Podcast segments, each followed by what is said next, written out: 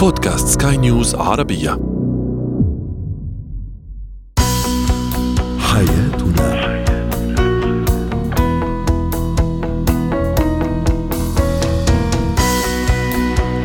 مستمعينا الكرام أهلا بكم معنا إلى حياتنا فضاؤكم اليومي الذي يعنى بشؤون الأسرة وباقي الشؤون الحياتية الأخرى والذي يمكنكم الاستماع إليه عبر منصة سكاي نيوز عربية dot com slash podcast وباقي منصات سكاي نيوز العربية الأخرى. شاركونا عبر رقم الواتساب 00971 معي أنا امال شابه اليوم نتحدث عن مشكلة قد تواجه بعض الزوجات وبعض السيدات. يتعلق الأمر بكسل الزوج. كيف نتعامل مع هذه المشكلة؟ أيضا كيف أقنع وكيف أمهد لطفلي آه، زيارته لطبيب الأسنان؟ وأخيرا اتكات جلسات الشباب أو الرجال أيضا هو وهي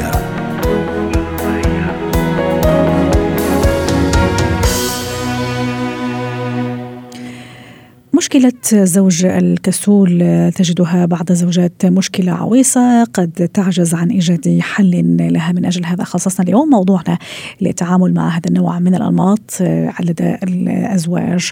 الزوج الكسول. رحبوا معي بيا دكتور شافع نيادي مدرب العلاقات الأسرية. يسعد أوقاتك دكتور شافع. في البداية دعني أستعرض مع حضرتك بعض تعليقات السادة المستمعين إجابة على سؤالنا. التفاعلي على منصات سكاي نيوز عربية كيف تتعامل مع الزوج الزوج وشريك الكسول اليوم حديث تحديدا عن الزوج الكسول. التعليقات وصلتنا التعليق يقول خليه ينام يمكن يكون أحسن. أيضا تعليق آخر يقول الانفصال أو الطلاق. وأيضا محمد يقول بالمياه الساقعة يعني بالمياه الباردة يعني لعل وعسى ممكن يعني يفوق ويصير أكثر نشاط. وآخرا تعليق يقول أفوض أمري لله. دكتور شافع رح نحكي على هالموضوع بشقيه. لما يكون الشخص يعني هو كسول وهو يعني عنده حتة الخمول هذا بطبعه بشخصيته الكسولة والباردة أيضا. ولما يكون ممكن أحد أنا كشريكة أو كزوجة أنا أيضا عودت هذا الشريك على حتة الكسل. أهلا مرحبتين اخت أهلا وسهلا. البركة. طبعا مثل ما قلت وهذا سبب الزوج الكسول يسبب آفة للزوجة وأحيانا اخت امال أساسا نكون واقعية أكثر أحيانا الزوجة هي السبب الرئيسي في أن الزوج يكون كسول بحيث أنها تتكفل بكل المهام الصغيرة والكبيرة. بعض الزوجات في بداية الزواج وطبيعه عندهن حب نوع من يعني مسك زمام الأمور في البيت. فتمسك زمام الأمور في البيت وبعض الأزواج ما يصدقون من الله أن تحصل زوجة مثل هاي فيعطيها ما بالله زمام الأمور يعطيها البيت كله الجمل بما حمل. فبعد ذلك طبيعة المراه ما بتتحمل هذا هذا المهام الكثيره اللي فوق فوق طاقتها. فمن بداية لابد أن يكون في توزيع مهام منزلية ما بين الزوجين ويتفقون بينها. نحن نقول نعم في شراكة في شراكة ما بين الزوجين. مم. أما أن يكون زوجه لوحدها وتقوم في بعض المهام والزوج عذرا بعض الأزواج أختي آمال يعتبر المنزل كفندق. مم. مجرد أكل ونوم وأنا أجيب لكم الفلوس وخلاص. ليس هذا المفهوم خاطئ ومفهوم يشتت الأسر. وبعدين هذه بتصير ثقافة عند الأبناء. فلا وبعد ذلك عدم يعني حتى الزوجة لما تكلف بعض الزوج ويعمل لا تتعود الزوجة إنها تعيد العمل من وراه لأن إذا هي بتعيد من خلفه بيتأكد إنها هي بتسوي. فأنا ليش أسوي العمل؟ خلاص خليه هذا وبعدين ننتبه بعض النعت للزوج بأنك أنت كسول أنك أنت غير مبالي. لما تحكم المرأة أو الزوجة على الزوج هذا فياخذها حجة وشماعة. يقول أنا كسول أنا غير مبالي. فخلاص هي صدرت الحكم فما بتعطيه مجال على انه يبادر من داخليا. فبعض هذه الصفات ما بتجيب إلا تأكيد للسلوكيات السلبية في هذا الزوج. أطلب منه بأسلوب ناعم ولطيف يعني مدعوم بنوع من التقدير المحبة وأن أقول انت أساس الأسرة آه، حتى لو اضطريت ان أن بعض المهام خلاص في مهام مهامك هو يعملها يعملها ما عملها خلاص. أضحي في البداية. لما يحس بقيمته في البيت. أما اهمال نحن نقول اعمال الطفل لما ما يحس له قيمة في البيت يطلع طفل مدلل وغير مبالي. فما بالك بالزوج لما ما له يحس إنه ما له دور في, في من أجل هذا أنا أشرت في البداية دكتور شافع إلى يعني قسمناه بشقيه يعني هذا النوع من الشخصيات. الكسولة ب ب يعني ب يعني الأسرة ممكن التربية نمط التربية ممكن الدلال الزايد وهو صغير. فينشأ على هذا الشخصية الكسولة اللي فيها أيضا شوية الاتكاليه وبعدين أنا بدي أفتح قوس فقط حتى أوضح. إحنا لما قلنا كسول يعني مو شرط كمان ما ربطناها بالأعمال المنزلية في البيت. يعني ممكن الرجل يقول لك لا هذه مش من مهامي أو يمكن أنا عندي أشياء أخرى. لكن بشكل عام مثلا في أمور الحياة بشكل عام ممكن الأشياء يعني مثلا ممكن يخلص أشياء برا ممكن أشياء متعلقة بالأطفال. فيعني هذا هو المقصود يعني بشكل عام حتى ما نحصرها نعم. فقط بالبيت يعني. صحيح. شوفي يا أختي أمان هو طبعا مسألة القصد مش مش القصد في الأعمال المنزلية المرأة أو الزوجة تقوم بأعمال المهام الخارجية في إنجاز مهام في الجهات الحكومية في زيارات للمستشفيات تماما. إنجاز مهام. بكل موضوع هي القصد إنها تقوم بكل يا ليتها هو يكون كسول بس على المهام المنزلية. هو يرفع يده عن كل صغيرة وكبيرة. ابني لو مريض ما عندي وقت. عنده مهام جوازات منتهيه عنده أوراق رسمية لا أنت روحي. أو والله هي الزوجه أحيانا والله شوف أقاربك شوف أخوك شوفي معك مين يخلصهم لي. فاحيانا أنا لا اعوده هذه مهامك هذه أنت المفروض تنجز. أحيانا أحيانا بعض الأمور تحتاج حزم بس أنا أقول حزم من نوع من نوع في نوع من العاطفة. أما إذا أنا وأنجز وأحيانا زوجتي أنا شو أعمل؟ بنجز له، هي في البداية ما بتحس بتشوف الموضوع بسيط، أنا بنجز هاي المهمه. صحيح ممكن في البداية يعني بحكم إنه معلش ممكن هو مش فاضي كثير، يمكن هو يعني عنده أشياء اللي ممكن أنا أخفف عنه، لكن مع مرور الوقت يعني تصير عادة وبصير يعني ملزومة إنه تقوم بهذا بهذا الأشياء. بتصير ثقافة وعادة والمشكلة أنا أقول للزوج وللزوجة انتبهوا لأن هاي الثقافة بتنتقل لأولادكم. الابناء وممكن الزوج هذا هو سبب تربية والديه اللي, اللي تركوه على بدرجة هذا الاهمال واللامبالاه. إيه أحيانا أحيانا بعض الأزواج حتى رخصت سواقته مع في جدتها. يعني نتكلم عن في أحيانا مهام مهام له هو خاصة يعني بشخصياته بأوراقه الزوجه بس الموضوع هذا الزوجه لها طاقة لها تحمل. صحيح. مهما ك... نحن نقول كيف ينبني الولاء الأسري؟ ينبني من خلال احتكاك الأسرة كلهم مع بعض. الأب انت كيف يا الأب؟ كيف تطلب عيالك من أبنائك البر وما شابه ذلك. وهم أساسا ما في أي نوع من الاحتكاك معاهم. صحيح. واحتكاك معاهم إنه فقط ألعب احتكاك معاهم إنك أنت تقضي حاجياتهم. صحيح. وليس الحاجيات في المأكل والمشرب بس طيب. من مختلف. مم. حتى في المدارس وزيارات المدارس ومعاودة الأبناء في آه، خصوصياتهم وأمور كثيرة. هذا يبنى الولاء الأسري. جميل رائع. ودكتور شفع زي ما تفضلت أكيد جانب يتحمله هذا هذا الزوج وجانب أيضا تتحمله الزوجه يعني في طريقتها وتعاملها وصبرها أيضا لأنه الموضوع يحتاج لصبر في الحقيقة. رجل بطبعه يعني أيضا دكتور شفع يا ريت يعني تفيدنا في هذا النقطة بطبعه ما يحب ما يحب التقيد بمواعيد يعني عرفت كيف؟ يعني يحب الشعور يعني هذا الشعور بالحرية. فإلى أي درجة كثير مهم وأنا عم حاول إني يعني أقوم هذا السلوك بين قوسين هذا صح التعبير إني ما أحاول اقيده أيضا. آه، في نفس الوقت احفزه ارحب بأي مبادرة أيضا هو يقوم فيها سواء زي ما تفضلت ممكن آه، شيء ممكن يعمله برا ولا حتى شيء ممكن يعمله في البيت لما يبادر هو. أحسنتي. شوفي يا أخت أمال سلوك الزوج هذا لما اكتسبه ما اكتسبه بيوم وليلة. فغير فمن غير المنطقة إني أنا أريد أغير سلوك الزوج في خلال أسبوع أو أسبوعين. فالموضوع أكيد يحتاج إلى نوع من الصبر والتحمل. تترك هذا الموضوع بحيث أنها يعني كعباد الله سبحانه وتعالى. ثانيا عدم الإلحاح والإصرار على الموضوع بعض الكلمات المجرحة. مثل ما قلت أنت الزوج أحيانا يأخذ الموضوع بعند. صح. بأسلوب عناد بشكل كبير. على على عكس لما أجي بنوع من الاحترام. نحن قلنا في أوامر مضمونها وظاهرها هو الاحترام والود.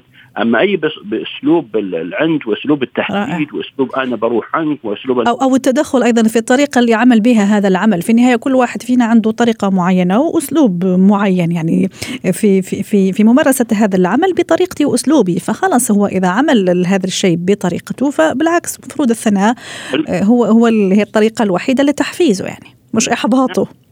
وبعدين ننتبه في بعض الأوقات أنا ما معقول الزوج جاي من دوام نفس الوقت يقول لا انجز لهذه المهام تماما. أختار بعض صحيح. الأوقات اللي ممكن نؤمر بها. وما بلازم يعني هو كزوج ينجز بعض المهام في معاملة المعاملات أو ما شابه ذلك.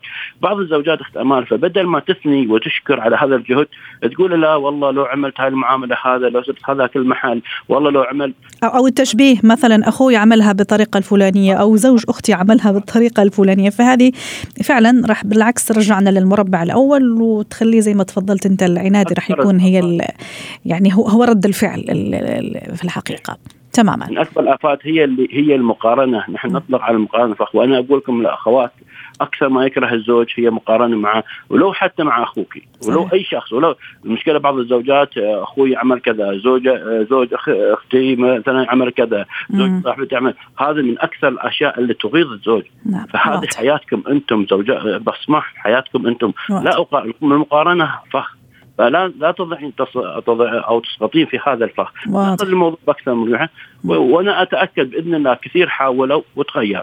بس نعم. البعض يستعجل في النتائج ويصيبها نوع من الإحباط بس محاولة. ومع التدريب إن شاء الله هو في الأول والأخير يرجع إلى ماذا؟ إلى نجاح آه، الأسرة بشكل عام، الأسرة شك- فيها نوع تحتاج إلى نوع من المرونة والتقافل في بعض. شكرا لك يا دكتور شفا عنيدي مدرب العلاقات الأسرية ضيفنا العزيز آه، نورتنا اليوم وأسعدتنا بهذه المشاركة. زينة الحياة.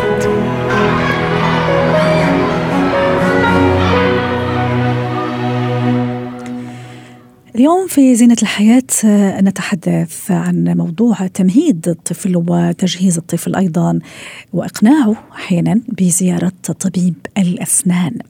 للحديث عن هذا الموضوع رحبوا معي بدكتور مينا شروبي من اختصاصي آه، طب أسنان الأطفال. يسعد أوقاتك يا دكتور مينا. أهلا وسهلا بك امبارح لما كنت أحكي معك تحت الهواء قلت أنتوا اللي تخوفوا الأطفال من طبيب الأسنان. من نحن؟ الأهل الأولياء. مين اللي يخوف الأطفال من طبيب الأسنان؟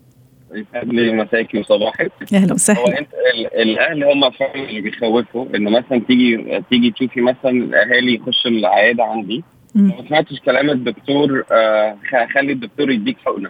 صح. دي أول غلطة أول غلطة الأهل بيعملوها. خلاص الطفل آه، ربط الدكتور بإنه عقاب. he's not friend هو مش صديق anymore خلاص يعني إنه إنه هو والطفل كتير بيتعلق. يعني الكلمة لما بتطلع من الأهل كتير بيصدقها انه ده في الآخر اب وام مامته وباباه فكتير بي يعني الثقه بتبقى زايده فخلاص ارتبط بانه انه الدكتور بقى عقاب صح الخوف already بيزيد والطفل دايما بطبيعته بيبقى عنده بيبقى عنده يعني the fear of the ال- الخوف من الغير الغير معروف هو مش عارف هو حاجة جديده مهم. كمان يعني جينا زودنا ال ال ال ال ال التينه sorry في كلمه تينه بله هو already مش خايف من اللي هو مش عارفه وكمان بقى فيه عقاب.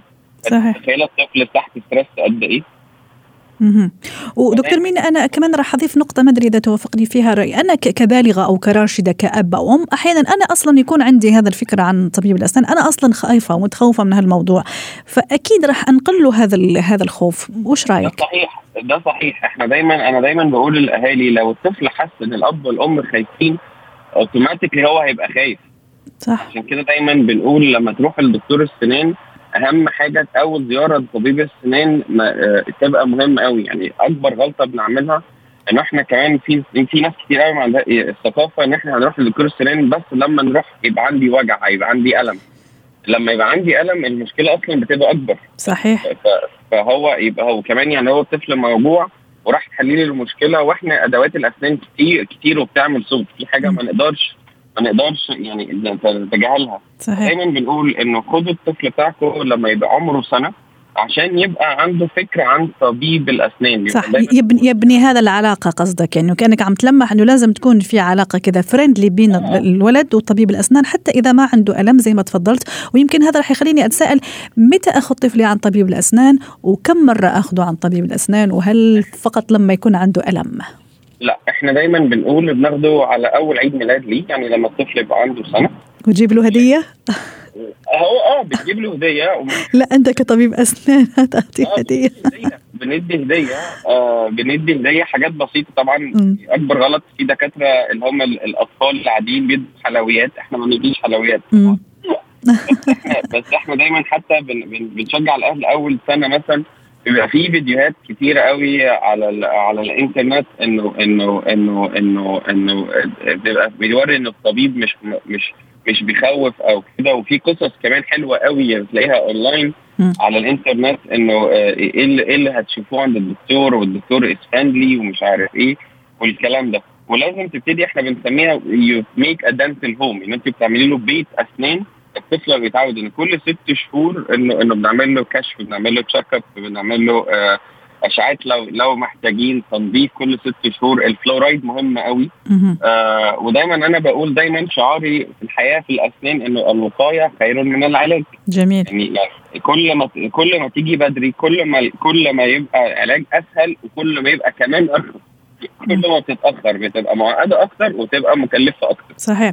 اذا دكتور مينا إحنا متفقين إنه آه، ضروري كثير إني أبني علاقة واخلي ابني يعني يبني هذه العلاقة مع طبيب الأسنان. أتحدث أيضا معه برفق وبكذا بساطة وبحنية إذا إذا بدك عن وظيفة طبيب الأسنان شو ممكن يعمل. أيضا ممكن أستعين بمشاهد أفلام كرتون آه، فيديوهات يوتيوب مثلا فيديوهات تعليمية حتى آه، يعني أبسط لابني هذا الموضوع. أهمية أيضا إني افهمه أهمية العناية بأسنانه ونظافتها وبالتالي راح أنا أبتدي أربط العلاقة أيضا وأمهد إنه في شخص هو مسؤول راح يكون مسؤول عن حماية أسنانك ومتابعتها وما إلى ذلك.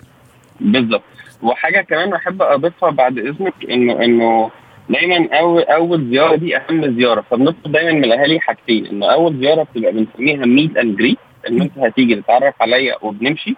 مش من اول من أول يوم بنشتغل إنه عشان الطفل برضه ما يخافش. جميل. تاني اهم وتاني أهم حاجة لما نيجي دكتور الأسنان آه الله يخليكم مش the whole family تيجي. يعني تيتا وبابا وماما وجده واخواتهم.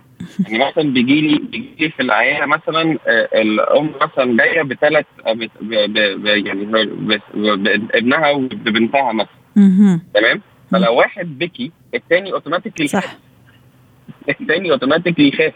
فلو عايزين تيجوا مع بعض استأذنكم ما يجوا مع بعض بس ما يخشوش الأوضة مع بعض. واحد. يستنى بره وواحد يخش معايا جوه. وأنت عم تحكي كمان خليتني أتخيل موقف دكتور مينا. أحيانا أيضا يدخل الأب والأم وممكن الجدة وهذاك يمسك له إيده والثاني يمسك له رجله حتى ما يتحرك وأمه تمسك له يعني تفتح له فمه فايضا وحتى يكون مقلق بالنسبة ليك كدكتور. آه طبعا. آه طبعا. بتبقى stress environment للعيادة كلها. غير بقى انه إنه مثلا انه إنه بتعملي ستريس للدكتور يعني مزنوق حضرتك لأن في عيادات يعني مثلا في أهالي بيجوا لي تيتا بابا وماما وجده وكله بيتدخل. صح. كله بيتدخل. اللي بيضيع في النص الطفل هو مش عارف يسمع كلامك ولا كلام جده ولا كلام ولا كلام ولا كلام ماما ولا كلام بابا. صح. يعني الم... فمهم قوي انه إنه بس واحد يخش أو يعني يعني طفل واحد يخش مع الأب والأم وده وخلاص. بس مش the whole family وحتى العرف المعروفة يعني بنقول دايما مثلا إيه الولد يجي مع الأب والأم تيجي مع البنت. مم. يعني يعني طبعا كل قاعدة وليها شواذ بس ده ده العرف اللي معروف. اشمعنى؟ اللي هقول لحضرتك اشمعنى. ده يعني ده دايما البنت حبيبة باباها. ده فبتدلع عليه شوية فهو قلبه يحن يقول لك وقف شغل مش هنشتغل. والعكس صحيح قلبه بيوجعه عليها آه آه آه العكس صحيح العكس صحيح الأم دايما بتحن للولد. فيقول لك خلاص وقف والعكس صحيح مهم. طبعا أرجع أروح حضرتك كل قاعدة وليها شواذ يعني دايما بسأل الأهالي أنت ابنك هيبقى أقوى مع مين؟ في مثلا ناس تقول لي لأ ابني هيبقى أقوى مع أمه في. ناس هتقول لي آه آه لأ آه أنا ابني هيبقى أقوى معايا أنا. كأب ف آه فبتختلف من شخص للتاني. بتختلف من شخص للتاني. عشان كده دايما بقول الأهالي هم اللي عارفين ولادهم أكتر مني. جميل جميل. دكتور مينا آخر شيء حتى نودعك اليوم على خير. أحيانا في بعض اولياء الأمور يبالغوا كثير في المكافأة مثلا إذا فعلا أنا راح ابني أه، وديته عند دكتور مينا وكان كثير عاقل وخلى الدكتور يشتغل على راحته. فأبالغ في المكافأة عرفت كيف؟ يا أشتري له لعبة يا ما أدري إيش. فهل هذا موصى به؟ حتى يرجع لك مرة أخرى أه، يا دكتور ولا لا؟ يفضل أنه لا. يعني لا طبعا يفضل. مش لطيف. آه مش لطيف. يعني أنا جالي patient مرات مريض الأم جابت له iPad اهو يعني مرة جاي راح يطلب سياره هذا. فأنا رحت المرة اللي نفس اليوم رحت جبت لنفسي Apple Book عشان أكافئ نفسي يعني. لا إحنا الطفل دايما حتى في المدارس وكده هتلاقي عندهم دايما حتى الأهالي أكيد هيبقوا فاهمين الموضوع ده أكتر. نظام ال rewards أو ال points. بيحب قوي موضوع ال rewards أو ال points. فبندي مثلا نقول له طيب هنجيب لعبة صغيرة هنجيب مثلا آه، حاجة هو نفسه فيها بس مش مش حاجة كبيرة قوي كبيرة. مش زي iPad يعني. مش زي iPad أو مش عارف إيه أو سكوتر. ضمن الحاجات اللي جات لي مرة انه انه إنه جات له جابوا له سكوتر المشكلة كمان خلي بالكم إحنا يعني إحنا كطفل أنا كدكتور أنا كمان بتخش غصب عني بتدخل في التربية فلما انت تعودي الطفل بتاعك على ان هو يجيب له حاجة كبيرة خلاص هو عارف السكة. طب أنا مش هعمل مش هعمل أي حاجة غير لما ياخد مكافأة قدام. 100% صحيح. وفعلا زي ما تفضلت الجانب التربوي كتير مهم. و... وأنا أحييك أيضا على إنه يعني عندك حتى يعني الدراية فعلا بهذا الموضوع يعني ناحية نفسية وتربوية للطفل. أنا بدي أتشكرك دكتور مينا شروبي اخصائيه أسنان أو طب أسنان الأطفال ضيفنا العزيز من دبي ويعطيك العافية. شكرا لك. اتكات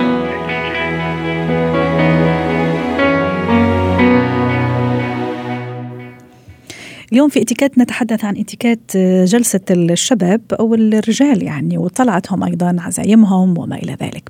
رحبوا معي بالأستاذة مارلين سلهب خبيرة الاتيكيت ضيفتنا العزيزة من بيروت. يسعد أوقاتك أستاذة مارلين امبارح كان في موقف راح أشاركك آه، خليك تشاركينا هذا الموقف صراحة. كانوا في مجموعة من الزملاء عندنا يعني عازمين أو عاملين غدا. فيعني صاروا آخر شيء كل واحد يقول لا أنا اللي أدفع وأنا اللي أدفع وأنا اللي أدفع. فمن هنا جات الفكرة. يعني كيف تكون الاتيكيت العزايم واللمات والجلسات بين الشباب والرجال أيضا. نعم نعم. آه، أول شيء أنا اشتقت لحضرتك وبعد الله يخليك. بلبنان. إن شاء الله على خير يا رب. أهم شيء تكونوا بخير وبصحة وسلامة وإن شاء الله أموركم تكون طيبة. تسلمي الله يخليكي. ما في شك ما في شك إنه دائما هيدي بتحصل بالعزايم إنه بنصير نتشارع مين بده يدفع. هلأ لما بنكون بين الأصحاب هي الاتيكيت بتقول بحد ذاتها إنه نحن إذا رايحين كلنا أخذنا قرار نطلع كلنا سوا يعني كلنا رح نتشارك بالدفع.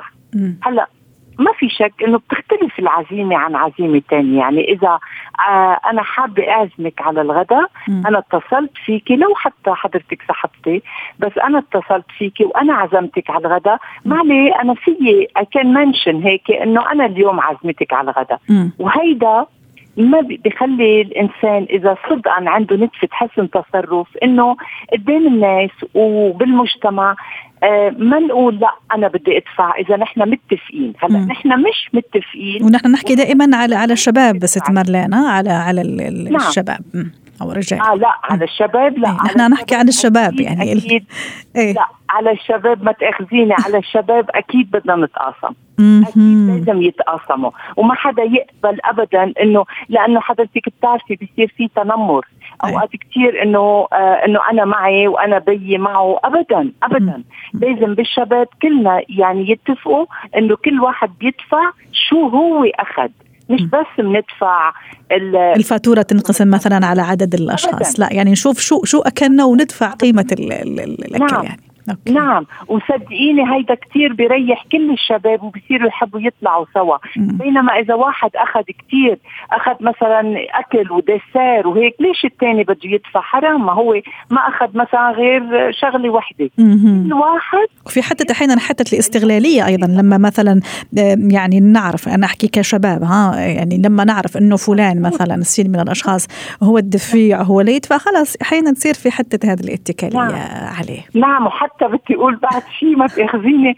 في ناس صرنا بنعرف كانوا نعرف بالمدرسة إنه هن على طول ناسيين مصرياتهم بالبيت وعلى أو يدور عليها في الجيب. يعني هدول نصير نعرفهم. يعني لا لا. في نتفة حسن تصرف إنه طالعين كلنا سوا كل واحد كل واحد بيدفع اللي طلبه. طيب في نقطة أخرى حابة تشيري لها أستاذة مرلان في جلسة نعم. الشباب أو طلعة الشباب. أنا بيقول إنه هلأ هلأ إذا بما يخص الشباب آه نحن بنعرف إنه آه بحبوا يطلعوا كثير محلات آه يعني في عجقة. بدنا ننتبه شوي بين بعضنا الشباب إنه بس آه، آه، ما ناخذ محلات آه، مش محلاتنا. أوقات كثير بتشوفيهم قاعدين ومرتاحين واخذين الكراسي الثانية وفاضية وصوت على صوت عالي. معلش لا لو نحن مبسوطين وهيك بدنا ننتبه على الأصوات بدنا ننتبه شوي على ما نكركب الدنيا لأنه نحن إنه شباب ومعليه بنخرب له كل الطاولة وبنحط الكلينكس وين ما كان. معلش هدول الأشياء بدنا كثير ننتبه لهم ننتبه على طريقة الأكل تبعنا لأنه هيدي رح تودينا على محلات أجمل لأنه تعودنا ناكل بنظافة تعودنا نهتم بهالشخص اللي عم يخدمنا بكل ترتيب نحن نحكي معه. وحتى بغض النظر وين كنا مثلا أحيانا في شباب مثلا يحبوا مثلا جلسة وطلعات البحر مثلا صيد مدري إيش بوت مثلا. نعم. يعني الفكرة في كل وين ما كنا وين ما كان الشباب هذا يعني جلسة الشباب أكيد راح يكون يعني الاتيكيت والذوق والنظافة والترتيب. حتى نختم معك. أكيد ما في شك ابدا. ليكي حسن التصرف هو ببلش من من بالبيت. يعني نحن كيف معودين كمان أولادنا؟ هون لازم شوي للأهل. إنه ما عليه لو أنتم مبسوطين ماما خلينا نكون نضاف مرتبين نحكي واضح. مع الناس. شكرا لك أستاذة مرلان سلهب خبير الاتيكيت ضيفتنا العزيزة من بيروت ويسعد أوقاتك. حياتنا.